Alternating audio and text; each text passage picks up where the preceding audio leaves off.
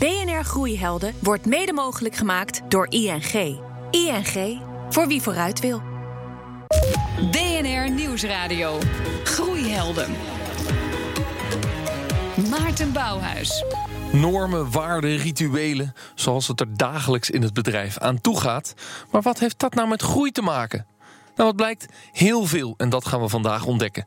Heldhaftige verhalen van echte groeiondernemers. Welkom bij BNR Groeihelden. Met deze week alles over dus die ultieme bedrijfscultuur. Hoe creëer je die? Hoe onderhoud je hem? En wat levert dat nou groeibedrijven helemaal op?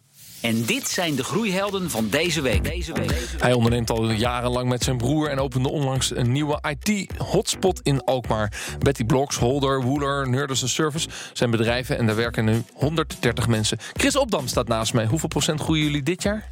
160. En aan de andere kant van de tafel een ondernemer die zijn personeel eerder verbood om op kantoor te komen werken. Zijn bedrijf Binder werkt voor ongeveer de helft van alle Fortune 500 bedrijven. Het gaat goed. Chris Hal aan de andere kant van de tafel. Ehm, ja, nog een Chris in de studio, dat is makkelijk. Hoeveel procent gaat Binder groeien? Ja, over de 100. Kijk eens even, echte groeibedrijven. Welkom heren.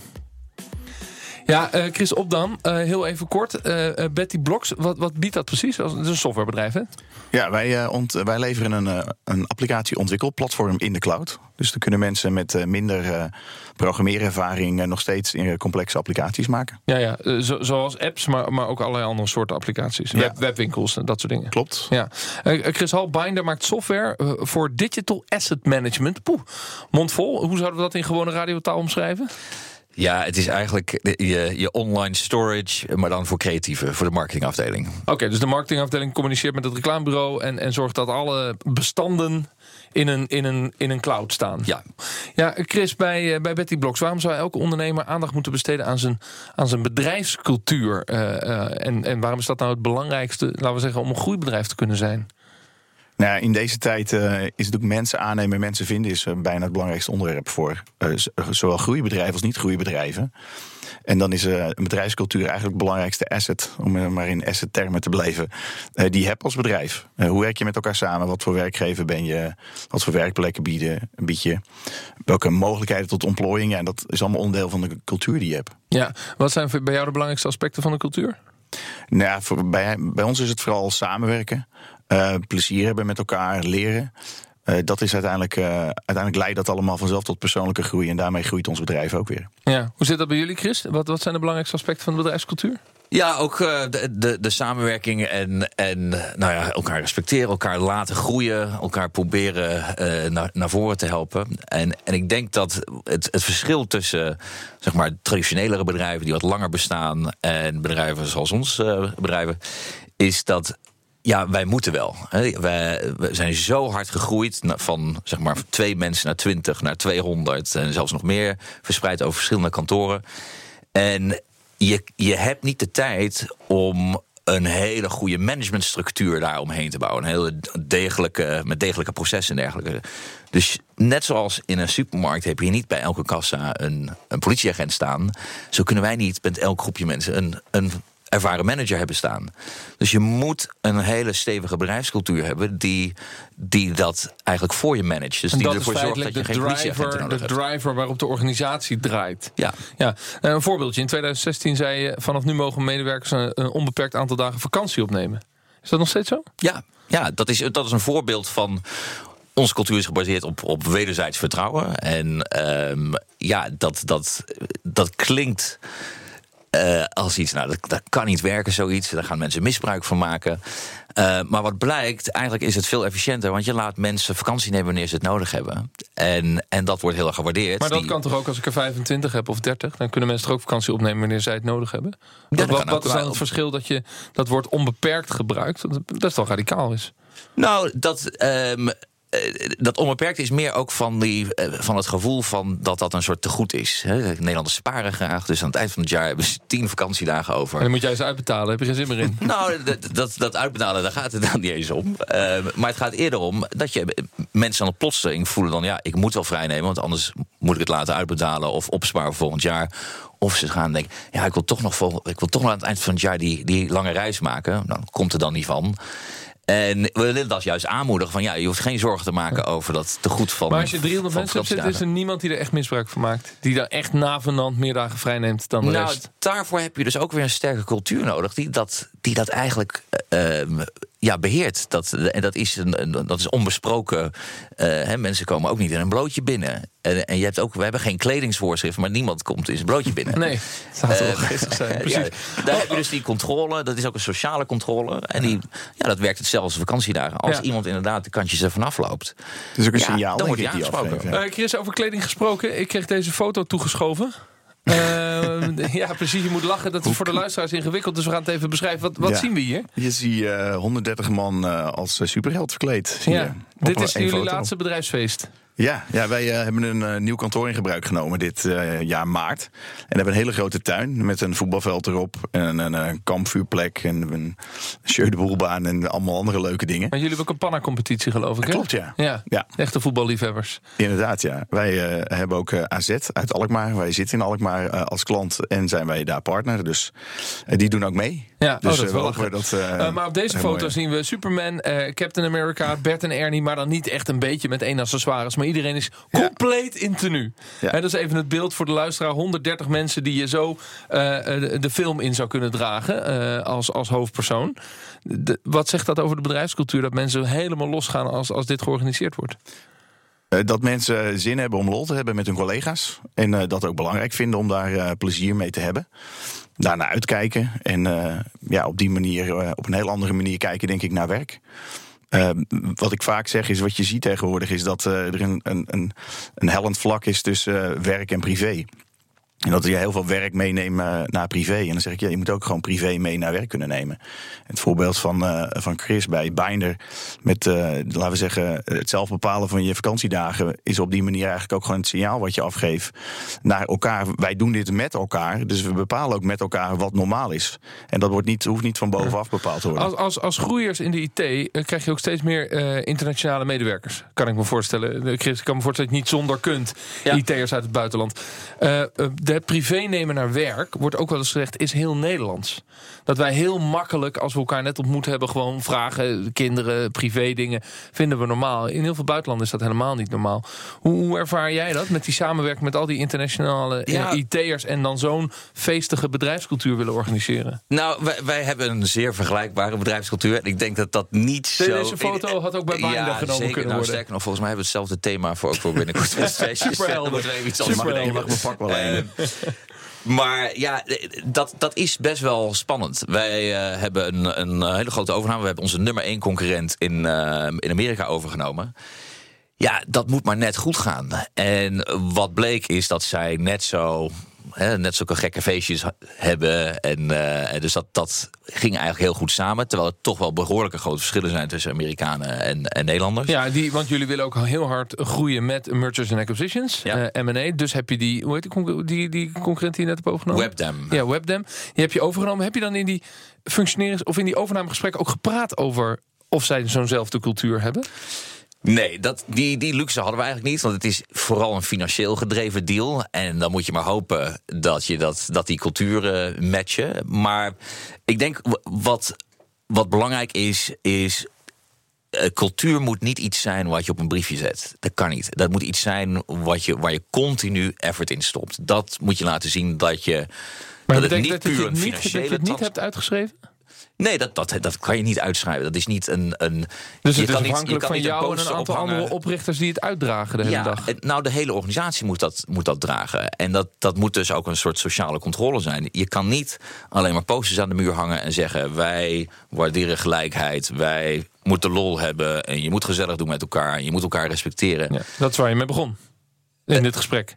Die, die kernwaarden. Ja, maar je, dus je, kan, weet ze wel, maar je hebt ze niet opgeschreven. Nee, je moet, ik, ik denk niet dat je ze alleen maar moet, moet, kan vastleggen. Je moet ze uitdragen. En dat is. Cultuur heeft maar een hele beperkte shelf life. Hè. Dus als je, eh, als je een feestje geeft, dat is hartstikke tof. En dat doen wij ook. En dat is een mooie signaal naar iedereen van jongens, het gaat goed. En eh, eh, we willen het fijn met elkaar hebben.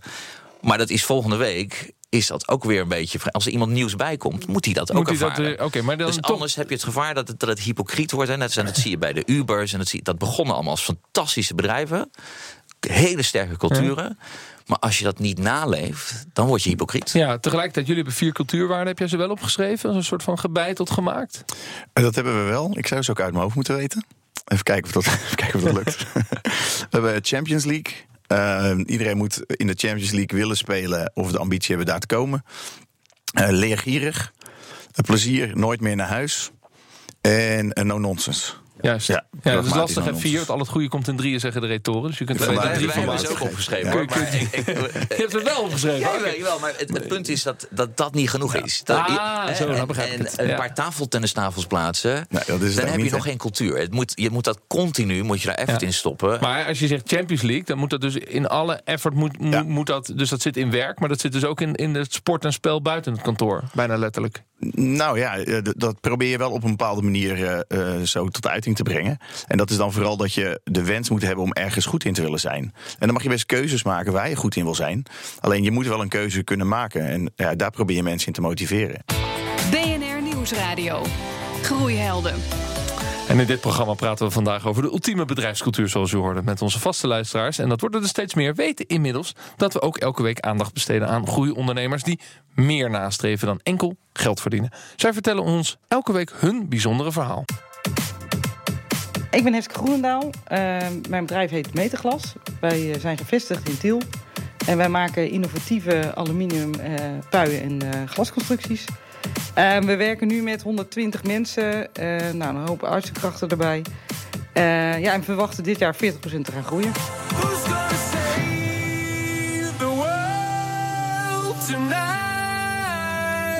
Toen ik bij Meestergas kwam werken, toen werkte er alleen maar fulltime technische mannen. En ik dacht, ja, jongens, kan dat niet anders? Hè? Want we hebben er veel te weinig van, van fulltime technische mannen. En toen zijn we gaan kijken, kunnen we niet werk zodanig anders inrichten... dat we ook andere soorten mensen kunnen aannemen. Dat kunnen mensen die part-time willen werken. Dat kunnen mensen zijn met een achterstand tot de arbeidsmarkt. En zo hebben we eigenlijk allerlei uh, ja, andere soorten mensen uh, naar binnen getrokken. De laatste keer had ik een leuk gesprek met nieuwe mensen. En daarvan waren er... De ene helft was onder de 20 en de andere helft was boven de 60. Nou, dat is toch grappig.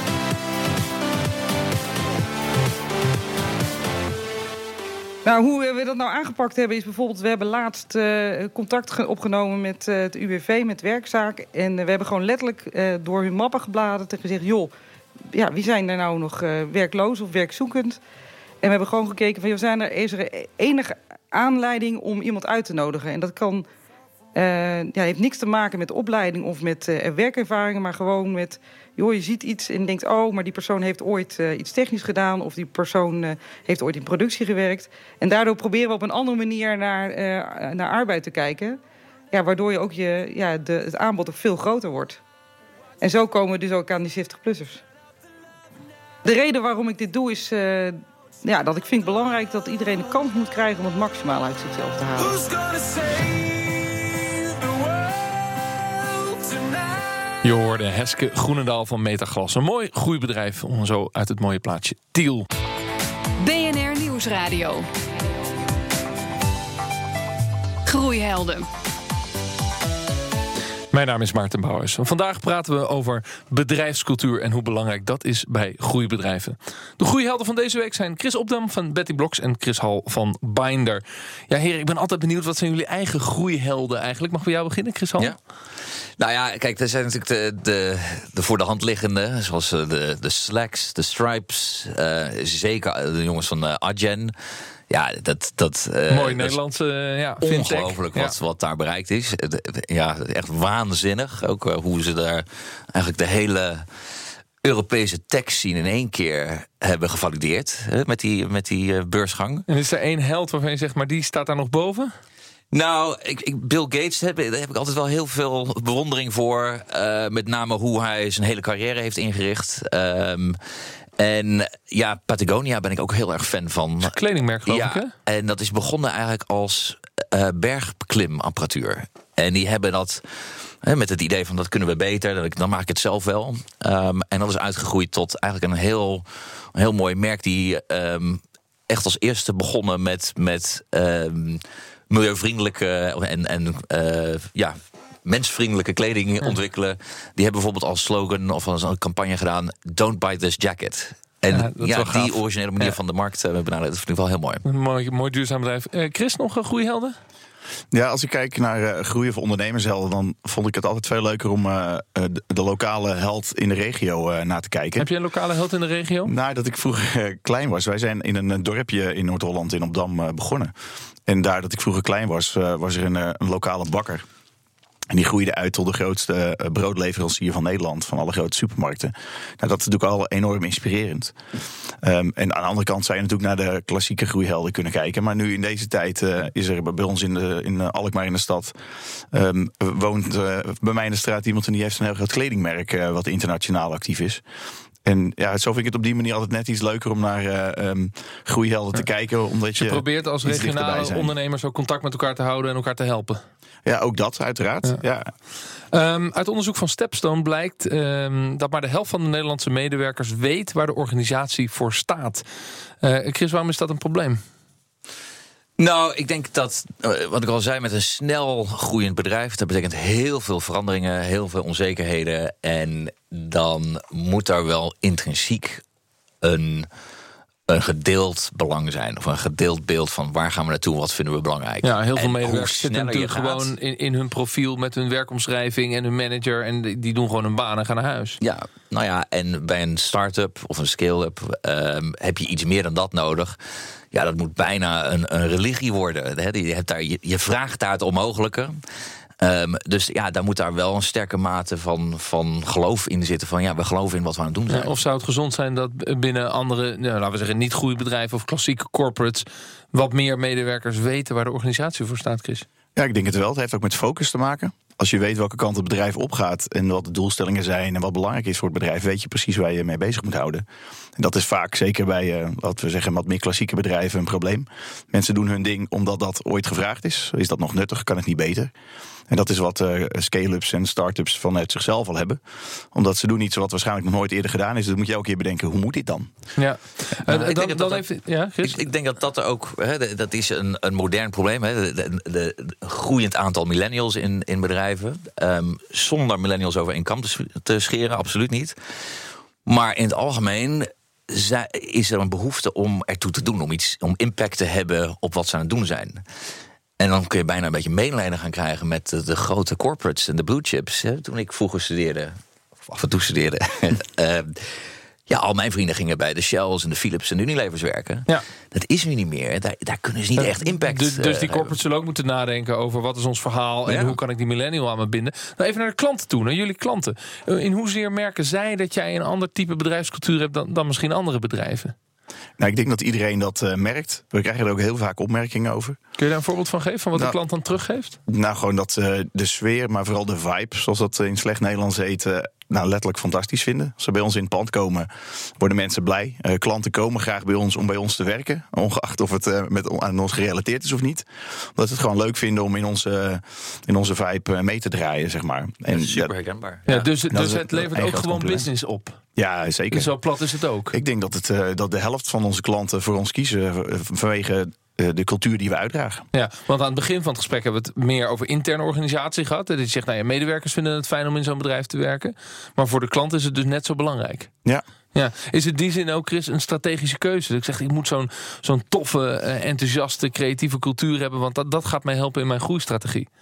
Of is het toch een Nou, beetje is geen onbewust board- ontstaan? het kan geen boordbeslissing zijn. En Je zit niet met, met, met, je, board, met, je, met je aandeelhouders zeggen... oké, we gaan nu onze cultuur met 50% verbeteren. en we gaan maandag beginnen. Zo werkt het. Dat moet een intrinsiek ding zijn. Het moet ook. Dat mag ook geld kosten. Dan wordt het moeilijk. Hè? Het is altijd makkelijk om te zeggen: oh jongens, we hebben het allemaal zo leuk en gezellig. Tot op het moment dat het om geld gaat. En dan put your money where your mouth is. Dan zul je dus ook moeten investeren in je cultuur. BNR Nieuwsradio. Groeihelden. Het kantelpunt gaat over een belangrijk moment in het bestaan van ondernemers. Deze week reist de collega John van Schagen af naar Friesland... met als eindbestemming Snik. Aten van der Meer van eh, Snakeware. Ehm, hier op een prachtige locatie in Sneek, mag ik wel zeggen. Waar staan we? Ja, we staan hier in de gashouder in Sneek. Een eh, oud industrieel stuk erfgoed wat wij eh, verbouwd hebben als ons hoofdkantoor in 2013. En waar wij allerhande digitale producties bouwen. Dus websites, webshops, apps. Alles om eh, relevant te zijn voor onze opdrachtgevers. Ja, en hoeveel mensen werken hier? Hier werken 50 mensen op dit moment. Ja, als ik hier zo heen kijk, uh, is mijn indruk dat het vrij goed gaat met het bedrijf. Jullie groeien al jaren heel erg hard. Uh, dat is niet altijd zo geweest. We gaan even terug in de tijd. Eind jaren 90 om precies te zijn. Toen was jij nog, ja, wat ze dan noemen, een jonge ondernemer. En jullie hadden iets nieuws bedacht. Ja, dat klopt. Uh, eind jaren 90 uh, voelden we aan dat het internettijdperk echt door ging breken. En hadden we bedacht, Hans, Johan en ik, de drie compagnons uh, van Snakeware, om een eigen internetcomputer te bouwen. En die noemden we Flashback. En dat was destijds heel vooruitstrevend. Jullie hadden daar grootse, ambitieuze plannen mee. En ook een grootse presentatie in Amsterdam, in het Hilton. Ja, als jonge ondernemers dachten we, we gaan die computer ontwikkelen. Dat was nog voor de iMac eigenlijk, die destijds net uit ging komen. En we dachten, hé, hey, als Snekers, we moeten niet in Friesland een presentatie doen... maar we moeten daar zijn met luxe mensen en business en al die zaken. Dus laten we het Hilton in Amsterdam afhuren... en een zaal in het Hilton en een luxe diner. En laten we onze potentiële uh, opdrachtgevers... die die computer zouden moeten gaan produceren... laten we die in het Hilton uitnodigen en dan gaan we het daar groots presenteren? Nou, daar stonden jullie met z'n drieën. Uh, nou, nieuwsgierig en kijkend naar die voordeur van waar blijven al die mensen. Maar die kwamen niet. Nee, uh, we hadden s ochtends echt letterlijk de vlag gehesen. De flashback-vlag van Snakeware met haar nieuwe product. We stonden eigenlijk met open armen de gasten te ontvangen. Uh, maar het bleef ja, verdacht stil. Er kwam eigenlijk helemaal niemand. En dat was echt dat was verschrikkelijk. Ja, dat is een steen in je maag volgens mij. Ja, dat is een steen in de maag geweest. Maar dat is het ook voor jaren geweest. Waardoor eigenlijk van die bravoure een tijdje weinig overgebleven is. Want de bottom line was in die tijd natuurlijk...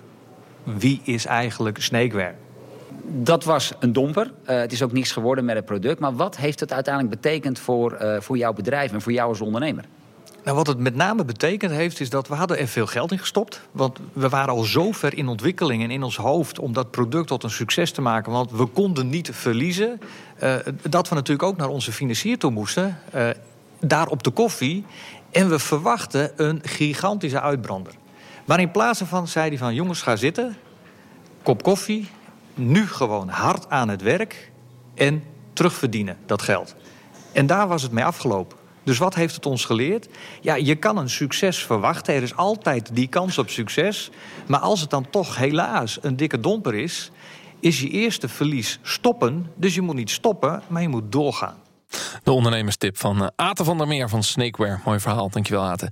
Bij mij in de studio nog altijd Chris Opdam van Betty Blocks en Chris Hal van Binder. Ik wil het nog even met jullie hebben over cultuurdragers. Jullie nemen continu nieuwe mensen aan, want jullie zijn groeibedrijven. Hoe bewaak je nou dat die heel snel die cultuur ook overnemen, Chris? Hoe doe je dat? Nou, je ziet uh, cultuurdragers hier ontstaan. Uh, net als een cultuur zelf kan je die niet aanwijzen, zeggen jij wordt een cultuurdrager. Maar de ene uh, past zich makkelijker aan aan de cultuur als de ander. En het is gewoon letterlijk het goede voorbeeld geven, is het eigenlijk. En sommige mensen vinden het ook heel erg leuk om juist aan die cultuur te werken, dingen te organiseren. Uh, wij hebben bijvoorbeeld één keer in de twee maanden hebben we iets dat heet heel Holder bakt. Dan hebben we dames en heren die uh, letterlijk heel Holland bakt nadoen. En dan staan er overal taarten. En dat is juist ontstaan omdat je verschillende varianten binnen je cultuur wil hebben. Want niet iedereen vindt het leuk om te drinken in een Superman pak. Nee, en ook niet iedereen houdt van voetballen. Nee, en zo probeer je dat juist breder te trekken. Dus daar besteden we wel actief aandacht ja. aan om juist iedereen uh, betrokken te houden. Het grappige is, het spanningsveld wat ik steeds in het gesprek tegenkom, is de vraag: ontstaat nou iets en ga je het daarna cultiveren?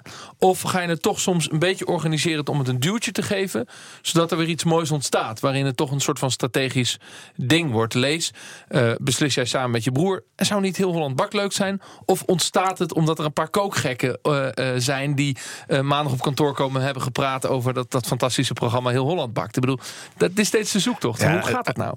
Uiteindelijk is het gewoon een goed voorbeeld, doet goed volgen. Um, dus je hebt aan het begin je hebt een, een vonkje nodig waarmee je zeg maar het vuurtje laat, laat lopen. En dan uiteindelijk pakken mensen het zelf op. Dus zo'n voetbaltoernooi is natuurlijk heel erg makkelijk. Daar kan je een beetje in faciliteren. Uh, maar dat uh, heel holde bakt, dat was uiteindelijk gewoon een collega die dat leuk vond om te doen. En zo zijn er nog veel meer initiatieven. Samen met z'n allen naar de nieuwe aflevering van Westworld kijken, bijvoorbeeld op kantoor. En je volgt eigenlijk ja. wat de cultuurdragers doen. En als bedrijf steun je en faciliteer je. Zeg maar, wij zijn met z'n tweeën niks anders dan deelnemers aan al die leuke events. Dus ik zit, zit ook gewoon Westworld te kijken omdat ik een leuke serie vind. En, en, en ik doe je, er niks aan. En je moet ook bakken. En stel je bent een, een uh, veel vooral. kleiner bedrijf met, met tien man. Of je bent niet heel erg een groeibedrijf. Een klein administratiekantoor. Misschien bestaat het binnenkort al helemaal niet meer. Is, denk je dat cultuur dan net zo belangrijk is? Of is het voor jou, uh, Chris, als groeibedrijf echt wel belangrijker? Nou, ik denk in elk stadium dat het heel belangrijk is. Wat, wat we al aan het begin zeiden je vergt iets extra's van mensen. En je, je vergt ook wat van hun vrije tijd. Eh, dus is echt geven en nemen. En het is iets wat je met z'n allen doet. En ja, die cultuur, als je dat eh, gaat rationaliseren. Hè, is net zoals de, de liefde een beetje. Als je gaat opschrijven waarom je van iemand houdt of waarom je niet van iemand houdt. Dan maak je het een beetje kapot. Je moet dat blijven. Je moet energie daar blijven stoppen. Blijf het goede voorbeeld geven. Blijven ehm, ondersteunen dat mensen initiatieven ontplooien, zoals zo'n uitje of zoals een feestje, of juist zoals nieuwe regels, op, uh, sorry, nieuwe regelingen bedenken die het, die het beter maken voor iedereen. Geniet ervan als de liefde, maar probeer het niet helemaal kapot te schrijven. Ik dank mijn groeihelden van deze week, Chris Opdam van Betty Blocks. En als laatste hoorde u Chris Hal van Binder. Volgende week zijn we er uiteraard weer. Dan gaat het over uh, ja, alles met marketing als groeiversneller, vast niet onbelangrijk. En tot die tijd zeg ik, blijf lekker doorgroeien. BNR Groeihelden wordt mede mogelijk gemaakt door ING. ING, voor wie vooruit wil.